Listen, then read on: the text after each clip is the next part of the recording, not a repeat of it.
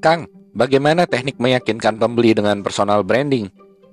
Sebelum kita bahas itu, yuk kita simak dulu alasan kenapa si calon pembeli mempertimbangkan personal branding kita sebelum membeli apa yang kita jual.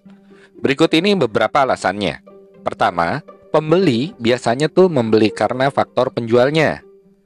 Dua, pembeli pembeli online khususnya itu tidak mudah percaya kalau tidak ada trust dari si penjualnya.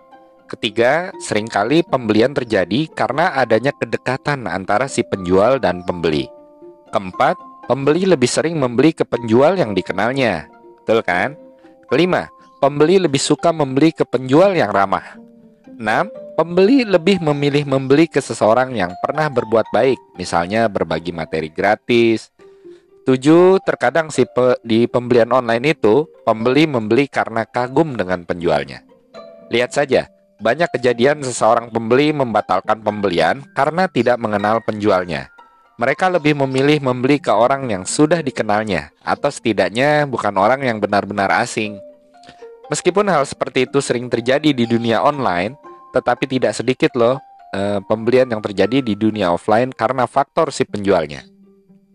Karena itulah, personal branding menjadi satu hal yang sangat penting dan ampuh untuk meyakinkan calon pembeli.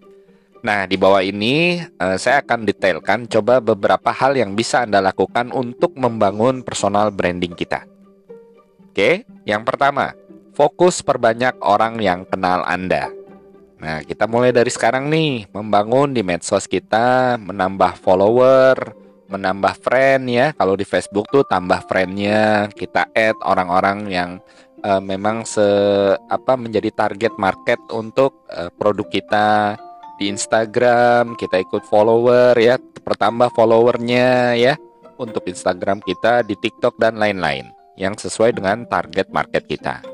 Ya semakin perbanyak uh, leads kita atau prospek kita maka semakin bagus untuk uh, kita membangun personal branding kita. Yang kedua gunakan foto dan profil yang representatif. Ya mulai dari sekarang uh, header di uh, medsos kita itu mulai diperbaiki dari mulai foto headernya, kemudian foto profil kita ya. Jadi harus jelas kalau fotonya saja sudah tidak meyakinkan gimana orang mau membeli produk kita ya. Kemudian yang ketiga infokan bukti ya. Sesekali social proof itu penting. Jadi kita mulai sharing tuh di medsos ya. Eh, di medsos uh, apa yang menjadi bukti eh, produk-produk unggulan kita ya. Misalkan testimoni dari customer bisa kita sharing seperti itu. Kemudian rutinkan sharing. Nah, ini yang terpenting ya. Ketika kita sharing sesuatu yang baik, uh, baik itu mengenai produk kita, tips bisnis dan lain-lain yang bermanfaat buat orang lain, maka orang semakin yakin kepada kita. Oh, bahwa si Anu memang uh, di bidangnya, si Anu memang uh, pengetahuan bisnisnya luar biasa, sering bagi tips. Oh, orangnya baik loh, seperti itu. Jadi rutinkan sharing. Yang kelima, buat jargon tentang Anda, ya. Ya, kayak kita lihat teh sosro nih, apa pun makanannya, minumnya teh botol sosro. Nah, itu sebuah jargon. Nah, kita harus bikin jargon tentang kita, ya. Misalkan kayak saya nih, orang mengenal saya, saya coba oh dia entrepreneur bisnis, ya dia itu sering berbagi bisnis. Ya kasih jargon seperti itu. Ya, seperti itu. Oh, jawara selling nih. Oh, senang berbagi tips.